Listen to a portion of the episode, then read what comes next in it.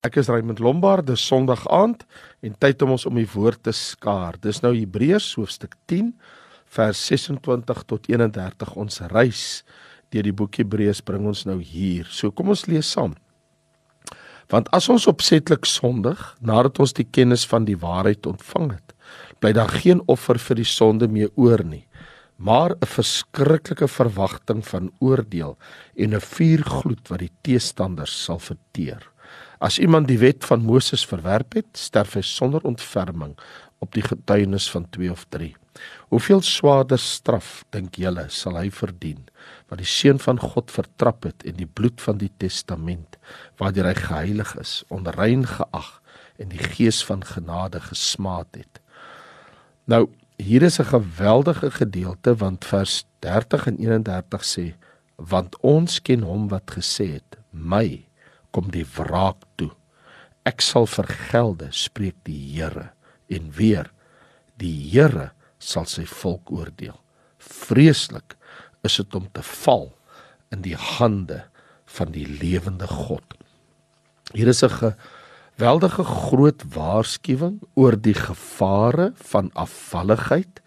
En dit is sodat ons reis deur hierdie heerlike boek Hebreërs bring ons nou andermaal by hierdie gedeelte uit wat my net laat besef dat die Amerikaanse prediker Jonathan Edwards hy het eendag gesê in sy beroemde preek sinners in the hands of an angry god.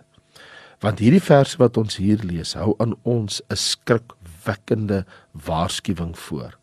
Ek bedoel vers 26 en 27 sê as ons opsetlik sondig nadat ons die kennis van die waarheid ontvang het, bly daar geen offer vir die sondes meer oor nie, maar 'n verskriklike verwagting van oordeel en 'n vuurgloed wat die teestanders sal verteer. Hier is 'n ontnugterde herinnering dat die hel sal eendag vol wees van mense wat 'n glashelder verstaan van die evangelie van Christus gehad het maar nooit hulle knieë voor die Here Jesus Christus gebuig het in sy koningskap en sy heerlikheid erken het nie. So die apostel Johannes hy het ons mos ook gewaarsku in een van die sendbriewe reeds daar so ver soos in 1 Johannes hoofstuk 2 vers 19 toe hy praat oor diegene wat hulle identifiseer met God se mense maar éventueel hulle rug draai op die kerk van die Here. Want dit sien ons hier in 1 Johannes hoofstuk 2 vers 19. Hulle het van ons uitgegaan, maar hulle was nie van ons nie. Want as hulle van ons was, sou hulle by ons gebly het. Maar dit moes aan die lig kom dat hulle nie almal van ons is nie. So in ons teks nou terug na Hebreërs toe in Hebreërs 10 vers 26 want as ons opsetlik Sondag nadat ons die kennis van die waarheid ontvang het, hier sien ons van 'n opsetlike doelbewustelike beplande aanhoudende sondiging en rebellie teen God en sy geopenbaarde woord. Dan is daar 'n dierprys daarvoor te betaal. Want hulle het nie 'n offer vir hulle sondes nie. Onthou, mense wat hierdie houding ingeneem het, kom vir hulle geweldige groot oordeel want daar staan mos in vers 26 daar bly geen offer vir die sondes meer oor nie. Dit wil dus sê hulle moet hulle eie offer bring. Hulle kan nie hulle beroem op die offer van Jesus Christus nie. So daar kom 'n oordeel want nou staan daar al wat vir hulle wag is 'n verskriklike verwagting van oordeel en 'n vuurgloed wat die teestanders sal verteer. Nou so wat die Hebreërskrywer hier doen in hierdie genoemde verse is om ons ernstig te waarsku en die waarskuwing is wie Christus verwerp sal 'n prys daarvoor betaal. Laat my dink aan Voltaire. Hy het mos van Christus gesê: "Vloek die elendige." Wel, Voltaire het in sy dag gespog in 20 jaar is die Christelike godsdiens tot niet. Ironies, kort na sy dood is sy eie huis gebruik om daarin Bybels te druk en word dit as 'n depo vir die Geneva Bybelgenootskap gebruik. En die verpleegster wat na Voltaire omgesien het in die laaste weke van sy lewe, sy het gesê: "Vir al die geld in Europa wil ek nie nog 'n ongelowige sien sterf soos wat hy gesterf het nie. Hy het 'n verskriklike dood gesterf hierdie man. Maar nou hier lees ek in Hebreërs 10 vers 28, daar staan en as iemand die wet van Moses verwerp het, sterf hy sonder ontferming op die getuienis van 2 of 3. Nou word ons aandag gefestig op die skrikwekkendheid van om God se woord te verwerp. Daar's een ding om Jesus te verwerp, nou is hier nog 'n ander ding om ook die woord te verwerp. En die skrywer van hierdie boek, hy argumenteer van die mindere, dit is nou die verwerping van die wet van Moses na die meerdere, die verwerping van God se genade in Christus. Ek bedoel wat die mindere betref, die wet van Moses betref, daar's mos al reeds 'n oordeel uitgespreek. Sou iemand sy rug draai op die wet van Moses. Dit staan mos so geskrywe in Deuteronomium hoofstuk 17 en ek dink nou uh, spesifiek aan vers 2 tot en met vers 7 want in hierdie boek van Deuteronomium is daar 'n geweldige waarskuwing wat gegee word. Daar staan as by jou in een van jou poorte wat die Here God jou gee 'n man of 'n vrou gevind word wat verkeerd is in die oë van die Here jou God deur sy verbond te oortree, ander gode te dien en voor hulle neer te buig voor die son of die maan of die leer van die hemel wat ek nie beveel het nie. En dit word aan jou vertel en jy hoor dit en jy ondersoek die saak terdee en as dit die waarheid is dan staan die saak vas. Daar's 'n gruwel in Israel gedoen. Dan moet daardie man of vrou wat hierdie verkeerde ding gedoen het na jou poorte toe uitgebring word. En hulle moet hulle stenig dat hulle kan sterwe want op die verklaring van 2 of 3 getuies moet die veroordeelde gedood word. Hy mag nie gedood op verklaring van een getuie nie. Die hand van die getuies moet eers teen hom wees om hom dood te maak en daarna die hand van die volk. En so moet jy die kwaad uit jou midde uitroei. So ek wil net sê as dit kom by die wet van Moses in die Ou Testamentiese konteks, mense is doodgemaak as hulle so die wet van die Here oortree. Die moontlikheid het bestaan dat hulle so kan sterf. So en selfs daai beskuldiging moet bewys word sonder enige twyfel. In ander woorde, een getuie is nie voldoende nie, maar twee of drie getuies, dan staan die saak vas. Maar dis onder die ou verbond. Geen offer vir moetswillige sonde was daar aangebied nie, sien ons in die boek Numeri. So daar was geen genade nie, daar was geen appel nie, 'n sekere dood, onverwendbaar as jy die wet van Moses so verbreek het. Maar nou in die geval van die Nuwe Testament. In ander woorde, wat sê ons nou? Wel, hier staan as iemand die wet van Moses verwerp het, sterf hy sonder die ontferming op die getuienis van 2 of 3. Die skrywer sê dis hoe dit was in die Ou Testament. En so hy lig ook vir ons uit.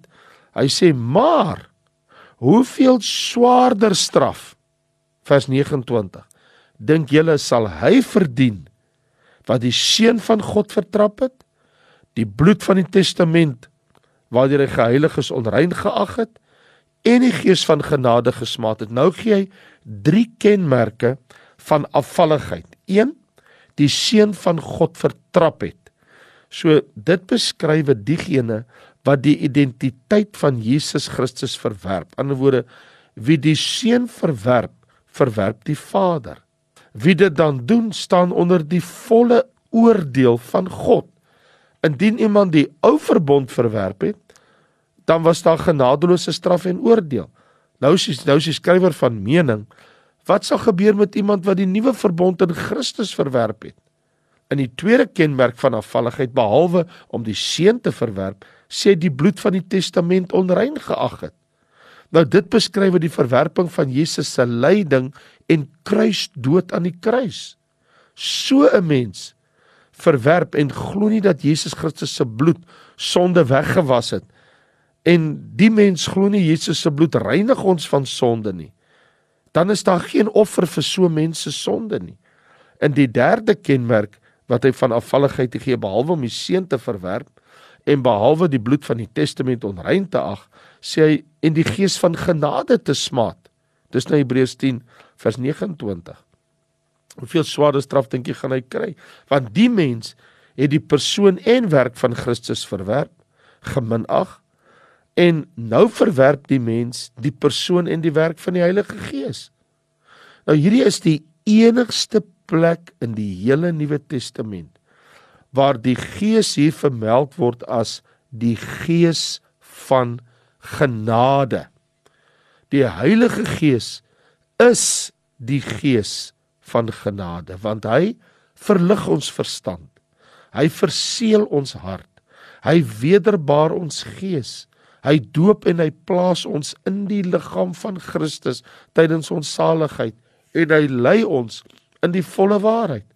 Al hierdie dinge is die effek, die gevolge van die gees van genade in my en jou lewe. Nou vra hierdie skrywer: Hoeveel swaarder straf dink julle verdien mense wat hierdie dinge doen? Hulle verwerp die seun, hulle verwerp die bloed en hulle verwerp die gees. Hy sê in hulle geval sal hulle oorgegee word in die hande van die lewende God. En hy sê, ons ken hom wat gesê het, my kom die wraak toe. Ek sal vergelde, spreek die Here, die Here wat sy volk oordeel. Vreeslik is dit om te val in die hande van die lewende God. So hier's die punt. Om die ou verbond, die wet van Moses te verwerp het, het geresulteer in 'n fisieke dood. Daai mense is gestenig in die poorte. Om die nuwe verbond in Christus Jesus en die evangelie en die gees te verwerp, resulteer in 'n geestelike dood. En dit natuurlik loop uit in die tweede dood. En die tweede dood uiteindelik in die ewige hel, die poel van vuur. So hierdie aanhaling in vers 30, my kom die wraak toe ek sal vergelde spreek die Here. Dit kom uit Deuteronomium 32 vers 35 uit die wet van Moses uit. Vreeslik moet dit wees om te val in die hande van die lewende God. Vreeslik omrede dit behels verwydering van God. Laat my dink aan Matteus 25 waar Jesus sê: "Gaan weg van my julle vervloektes in die ewige vuur wat berei is vir die duiwel en sy engele." So die hel was in die eerste plek nooit vir 'n mens gemaak nie. Jesus sê die hel is berei vir die duiwel en sy gevalle engele. Maar in die oordeelsdag, ook die dag by die wit troon oordeel, sal God vir alle verlore mense sê: "Gaan weg van my." julle vervloektes in die ewige vuur wat berei is vir die duiwel en sy engele. Dit is die laaste wat so 'n mens iets ooit uit die mond van God sal hoor. Gaan weg van my. En dis nou wat die skrywer hier sê in vers 31. Vreeslik is dit om te val in die hande van die lewende God. Hoekom? vreeslik omrede dit behels 'n ewigheid weg van God wanneer hy jou oordeel. Vreeslik omrede dit bring 'n oordeel en 'n straf wat onmeetbaar is. Daar is geen vergifnis in so 'n straf. Daar is geen genade in so 'n straf. Daar's geen simpatie. Daar's geen lig, rus, vrede Daar's geen uitkoms nie. Daar's geen hoop. Daar's geen einde nie om vir ewig verlore te wees. Dit moet 'n vreeslike ding wees. Wel Hebreërs 12 vers 29 is duidelik. Want ons se God is 'n verterende vuur. En daarom waarsku die skryf van die boek weer. Hy sê omdat ons as kinders van die Here in vers 28 hoofstuk 12 'n onwankelbare koninkryk ontvang, laat ons dankbaar wees en God welbehaaglik dien met eerbied en vrees. Hy sê vrees die lewende God, wees eerbiedig en erkentlik teenoor hom, want ons se God is 'n verterende vuur. So, hier is die punt. Wie die seun van God verwerp, het alle rede om die Vader te vrees. Daar's 'n Amerikaanse skrywer en godloonaar met die naam van Thomas Paine. Die vyand van die Christendom En hy het 'n boek gepubliseer teen God en die Christelikheid en hy noem dit The Age of Reason. En gedurende sy laaste oomblikke op aarde, dit is oomblikke voordat hy sy asem uitblaas. Toe roep hierdie man wat hierdie goddelose boek geskryf het, toe roep hy uit: I would give worlds if I had them that age of reason had not been published. O Lord, help me. Christ, help me. O God, what have I done to suffer so much? But there is no God. But if there should be, what will become of me hereafter? Stay with me for God's sake. Send even a child to stay with me, for it is hell to be alone. If ever the devil had an agent, I have been that one. Hoe verskriklik om so te sterf.